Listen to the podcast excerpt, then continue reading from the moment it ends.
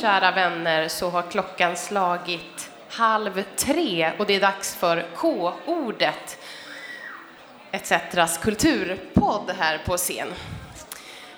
De senaste åren så har det skrivits spaltmeter om den sexnegativa unga generationen.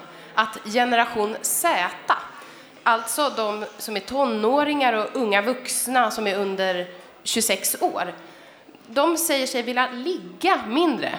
Ja, ni hörde rätt. Ni som är pryda får hålla öronen kanske en liten stund. Eh, några rubriker som jag hittade. Varför är generation Z så sexnegativ?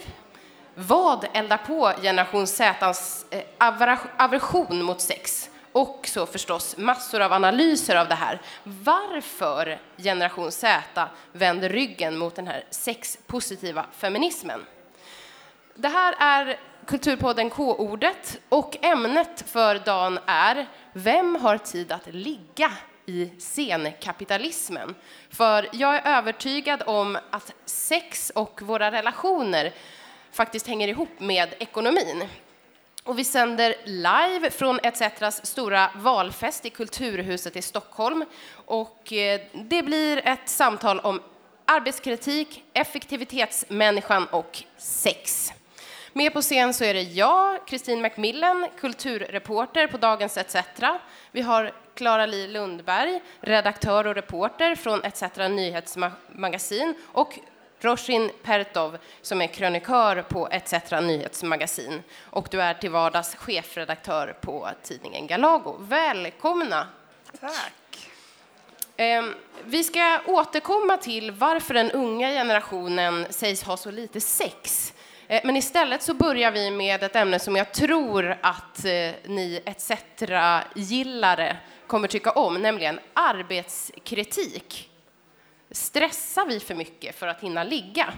Och vi har alla tre sett en film som kommer i oktober som heter Året jag slutade prestera och började onanera. Eh, Klara, kan inte du, eh, det är en otrolig titel tycker jag, Otrolig. en mm. av höstens bästa. Kan inte du liksom berätta lite om den här filmen och på vilket sätt den har att göra med arbetskritik och sex?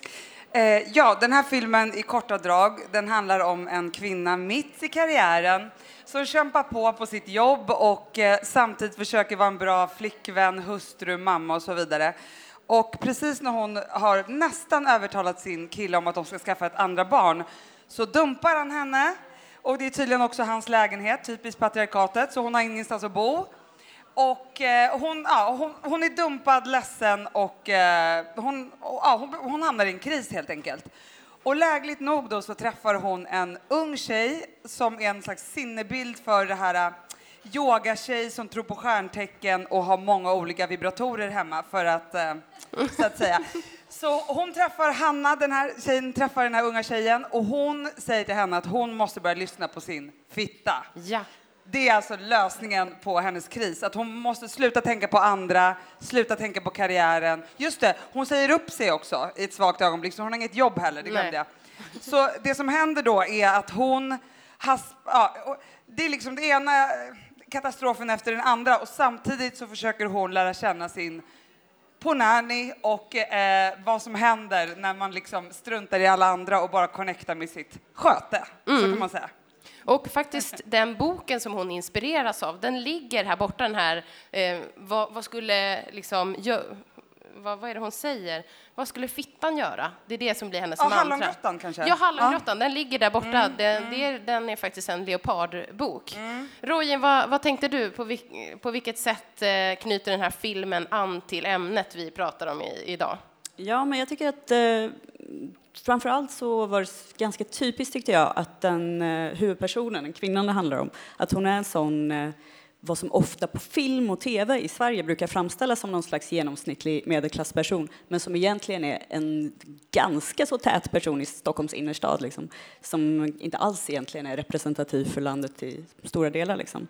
Men som man, eh, ja, eftersom det är Hollywood, alltså svenska Hollywood, mm. så vill man gärna liksom trycka på det som en arketyp för liksom, ja, men en, en genomsnittlig person. Mm. Men vanligt folk, tror jag, säger jag i egenskap av inte jättevanligt folk, men vanligt folk tror jag kanske inte helt och hållet känner igen sig i, i den här bilden. Sexlivet har blivit också en arena där man presenterar sig själv. Alltså det har blivit en identitetsmarkör. Och därför blir det så viktigt, även om man har allt annat, att också, för det säger någonting om en själv. Liksom. Det är så himla låg status att ligga en gång i månaden med sin partner som man varit ihop med i 15 år. Alltså det är ju så. Mm. Ja, jag håller verkligen med om det. Alltså att det har blivit en sån identitetsgrej eller en sån lifestyle-markör. Liksom. Mm. Och jag tänker att det är någonting som har eh, prånglats ut ganska länge nu. Liksom. På, på 60-talet, tror jag det var, så skriver eh, den franska filosofen Michel Foucault att prata om sex och att prata om sitt sexliv är den nya bikten, eller den moderna bikten. Liksom. Och det var, ja, vad blir det nu, vad är, vad, hur många år är det sedan 1960? 70 eller något sånt? 50, 60? Bra sådär. matte. Ja. Förlåt alla 60-talister. eh, men att det är liksom, eh, och sen därifrån har det bara eskalerat. Jag tänker typ så på 90-talet så var det ju typ som Sex and the City var liksom verkligen tror jag i alla fall. jag var inte tillräckligt gammal för att se det då. Men liksom den stora, eh, ja, den stora tv-serien, den tidens Game of Thrones. Men så eh, även så här att eh, feminism blev så himla förknippat med sex och liksom, tänker på typ eh, det här programmet Silikon, heter det så? Med Gry Forssell bland annat. Att det var så här att de kanske kunde ta in Lars Leijonborg och fråga om han vaxar pungen. Att det var liksom så där, det blev så himla popkulturellt på något sätt liksom. Och, ehm, och, och, där, och sen dess har det liksom, på den vägen är det, tänker jag, att det har bara fortsatt så.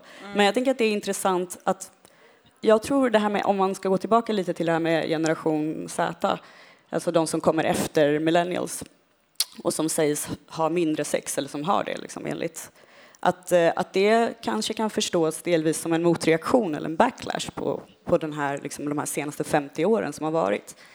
Uh, ja. Ja, nej men precis. Och det är väl det som både Zizek och Eva Illouz och Esther Perel, alla alla dina husgudar. Ja, nej men så här, samtida filosofer och sexologer och, och psykoanalytiker, att, att förut gick folk i psykoanalys för att bekänna sina, eh, om sina sexuella fantasier eller, eller liksom att man ja, men pratade om sina förbjudna lustar och idag går folk i terapi för att de känner sig tvingade att ha sex. Att på något sätt har den här sexifieringen och liksom, eh, ja, men liksom vad sex har fått för plats i vår samtid har gjort också att det har blivit ytterligare en sak där man måste prestera.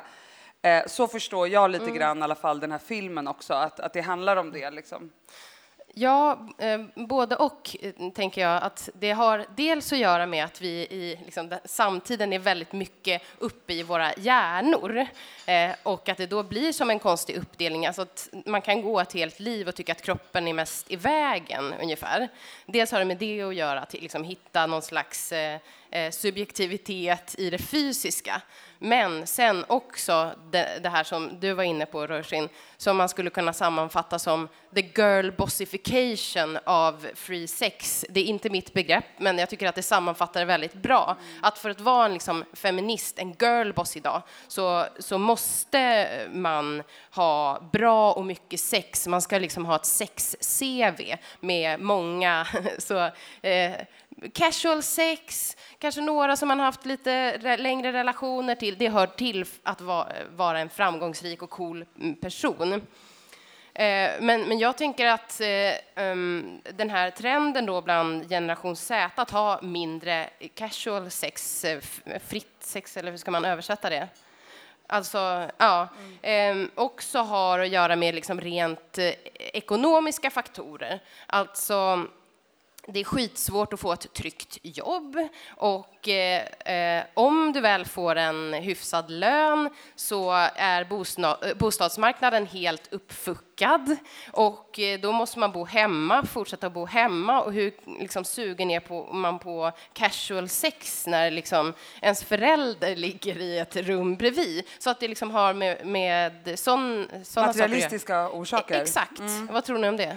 Jo, det tror jag delvis stämmer. Eh, men jag tänker att vi är ganska långt ifrån till exempel Argentina eller Chile där man tar in på så här sexhotell just för att man bor hemma liksom mm. så länge och så. Men jag tror, jag tänker också att man skulle kunna se på det som att just för att man kanske inte har ett jobb eller att man har ett jobb där man liksom jobb, ja men gig-ekonomi, jobb och sådär, att sex då skulle kunna bli en plats där man kan slappna av, en, där man, som faktiskt inte kostar. Utan så här. så eh, jag ställer mig lite frågande mot ändå hela den här liksom, premissen av att sex är någonting man måste göra plats för. Liksom, och, mm. och, och sådär. Men absolut tror jag att det handlar om det också, att unga ehm, liksom, förutom de materialistiska orsakerna, typ, inte är så intresserade av sex. Alltså det tror jag. Roshin, tror du att det här har med internet att göra på något sätt? um, ja, men där, ja, kanske. Men, um... att, ja, men jag, alltså, en tolkning skulle kunna vara att nej, man kanske inte har casual sex, men man tillfredsställer sig själv online istället, till mm. exempel. Jo, men det, det kan det kanske vara, mm. tänker jag. Uh, rent spontant låter inte det helt dumt.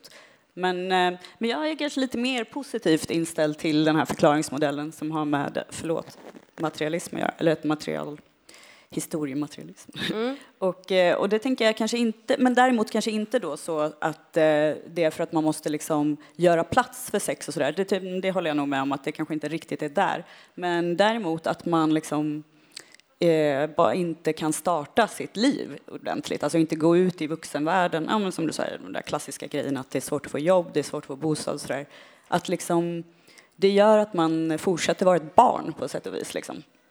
Att man bor hemma hos sina föräldrar, man har kanske inte några egna pengar, man har inte, mång, man har inte mycket egna pengar i alla fall. Och så, där. så att liksom allt blir förskjutet, tänker jag. Även så här relationsskapande och sådana grejer. Så jag tänker att det kanske går in lite grann i det där, snarare än att man kan isolera det som en egen grej som påverkar, så att säga. Mm. Alltså, jag, när jag har läst de här rubrikerna, Gen Z har så lite sex, så funderar jag lite över varför den äldre generationen är så oerhört fixerade vid att prata om unga och, och den, liksom, ja, deras sexnegativa trend och så vad, vad, tror ni det beror men, på? Men jag tror att det är, att, att det är för att här, historiskt sett har man eh, har man eh, kopplat liksom en stark sexualitet till ungdom. Alltså det finns tusentals skämt om det. Eh, jag kommer ihåg när jag själv jobbade på kollo att det var bara snickelisnack hela tiden om hur alla unga killar runkade och sådär. Eh, men, men, i själva verket så är det ju så att för att kunna ha bra sex så måste man känna sig själv. Och vem känner sig själv när den är 19 år? Alltså, kvinnors sexuella peak är ju typ 35 års ålder och det är för att här, man, känner, man, känner, till sin kropp, man vet vad man gillar. Mm. Alltså ett tag var det så, åh nej, de, eh, de ligger för mycket mycket, de kommer bli tonårsmammor, panik, eller de ser videovåld och kommer bli mördare. Och nu är det så här, nej men de har för lite sex på det sättet som eh, vuxengenerationen nu eh, har sett som eh, liksom fritt sex. Befolkningen dör ut. Men jag, jag, tänker också, jag tänker också att det är så himla otrendigt idag att vara sexpositiv. Alltså bara det ordet är... Mm. Eh, att det liksom, det, jag tänker att unga är också känsliga för trender och att det är väldigt otrendigt att hålla på med sex. Alltså typ att det är en grej. Jag vet inte om ni minns den här um, som sen, vad ska man säga, det var väl som en reklamfilm på SVT Edit som handlade om den här lufttrycksvibratorn, ja. Womanizer eller vad den heter. Som var som en lång reklamfilm. Det var som en lång reklamfilm. Olika svenska eh, influencers och halvkändisar berättade om hur deras liv hade förändrats med den där. Eh, och, det tänk, och då skulle man kunna säga så ja ah, men vadå, unga har inte alls så lite sex, kolla den här filmen och så vidare. Men det tänker jag inte har, det är inte ett uttryck för sex, utan det är uttryck för massa andra saker. Eh, och framförallt tycker jag att det är intressant att det handlar om att ha sex med sig själv, som sexologerna säger, självsex, eller vad det ha sex med sig själv. Eh, att det är ett uttryck för någonting annat som i sin tur skulle kunna kopplas till så individualism. Man orkar inte hitta någon, man orkar inte gå ut och haffa någon, man har sex med sig själv. Det, det är liksom ett annat spår, men det, det, det går att koppla till den här diskursen. Liksom. Mm. Jag, jag, tänker också att, så här, eh, att generation Zs inställning eh, liksom, kan visa att det verkligen finns brister i den sexpositiva hållningen. Alltså, det har ju inte minst metoo visat att här, bara för att kvinnor eh, får gå ut och ha fritt sex så är det inte som att alla problem har blivit lösta, utan de här eh, det, det sker ju fortfarande jättemånga övergrepp och så vidare, att det faktiskt är Eh, man kan se det som en bra kritik av felen i den sexpositiva hållningen. Eller? Mm. Mm. Mm. Ja, precis. Det tror jag. Alltså det, eller, eh, det är en ganska... Ändå... Alltså, jämställdheten löses inte så här, oh, bara för att kvinnor får, får ha Verkligen. fritt sex. Det tror jag är en jättebra grej att ha i åtanke. Men också att, eh, jag tänker begreppet sexpositiv, mm. alltså att, eh, apropå internet då, att eh, idag så, eller sedan några år tillbaka kanske, i alla fall tio år, så har man inkorporerat och importerat ganska mycket via internet amerikansk diskurs kring saker och ting, bland annat feminism, eh, där det finns en strömning som, eh, där sexpositiv innebär att man är eh, för sexköp. Eller så här, man, är inte, man vill inte att prostitution till exempel ska... Mm. Det ingår i det? Alltså. Ja, precis. Mm. Och då har det fått en väldigt stark... Eh, liksom, det är inte bara det såklart, men det har ju lyfts fram som någonting ganska starkt, en stark strömning där. Och att eh, jag tror att det det går in bra i Sverige, alltså det landar inte särskilt bra i Sverige på, av liksom förklarliga skäl för att ja, vi har en helt annan historia och en helt annan lagstiftning också som är förhållandevis unik i världen. Liksom. Mm. Så det kan också vara en anledning, tänker jag. Alltså jag tänker på folk som mig själv och i min ålder, att vi inte säger att vi är sexpositiva till exempel, mycket på grund av det. Mm. Det är så likt HIV-positiv tycker jag. Nej, men... alltså, om vi ska prata lite om prestationssamhällets handlingar kontra ideologi, så, eh, så undrar jag, Eh, varför så många av oss fortsätter att pressa oss och stressa och prestera när vi ideologiskt är emot det. Eh, va, vad säger ni om det? Det är en svår eh, fråga kanske. Jättesvår ja. fråga. Men återigen, gör verkligen alla det? Jag tänker att det, det är liksom... Um... Jag tror alla på den här scenen gör nog det i alla fall. ja, nej, men jag tänker bara att det är viktigt med ett klassperspektiv på det eftersom många idag inte har något val liksom, än att pressa sig. Men om vi utgår från något slags eh, medelklass... Eh, eh, nej men jag, jag, har inget bra svar på det. Det är väl bara att det, att det är så vi förstår livet. Liksom. Och att varje gång någon säger upp sig eller börjar gå ner i ett jobb, alltså gå ner i tid eller så, så framstår det som så otroligt revolutionerande. Men egentligen borde det väl inte vara det. Eh, men du är ute efter svaret på liksom diskrepansen mellan det, det vi tycker och det vi sen gör mm. i den mm. här frågan. Ja. Vad tror du, Rosin? Jo, men eh, jag tänker att eh, det igen hör ihop med en sån mycket större rörelse som har pågått sedan mitten på 1900-talet, som handlar om att man individualiserar samhällsfenomen, alltså att, i alla fall om man tänker sig lite grovt generaliserat västvärlden då, liksom USA och stora delar av Europa, att det är så Um, om, om det går dåligt för en ekonomiskt till exempel, eller det, det känns inget bra att leva, typ, mm. då, är det, då ska du uh, söka inåt efter svaret. Liksom. Du, ska, du ska ändra på dig själv. Liksom. Just det, om du är ehm, stressad uh, så ja. är det inte ett strukturellt problem på arbetsplatsen, Precis. utan då ska du gå en KBT-coachkurs. Ja, men exakt, exakt. Ja. Och så här, Eh, om, det, om du blir sjuk och har dåligt med pengar, då, då får du bli frisk och mm. jobba mer. Liksom. Alltså Eller tänka mer på positiva affirmationer. Ja, men, typ. Eh, gå hos en jobbcoach och så ja. vidare. Och eh, visst är det så, det här vet du nog bättre än mig, Clara, men eh, den amerikanska psykologen B.F. Skinner,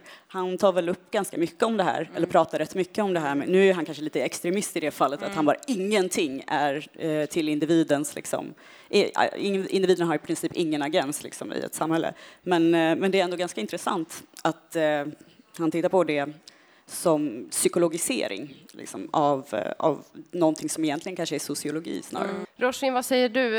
Um, året jag slutade prestera och började onanera, är det här att lyssna på fittan, är det liksom lösningen på effektivitetssamhället? um, ja, kanske om man jobbar på ett filmproduktionsbolag som projektledare. Men uh, kanske så här, ja, men jag, jag håller med Klara där, att om man ska tolka det mer som det som du säger, mm. att uh, då kanske det absolut kan ligga någonting i det, tänker jag mig. Mm. Fick ligga fick du med där i slutet också. Mm. jag tänker att vi avrundar där, mm. om det inte är någonting som ni vill tillägga. Klara Li Lundberg, Roshin Pertov och jag heter Kristin Macmillan. Tack för att ni har lyssnat. Tack.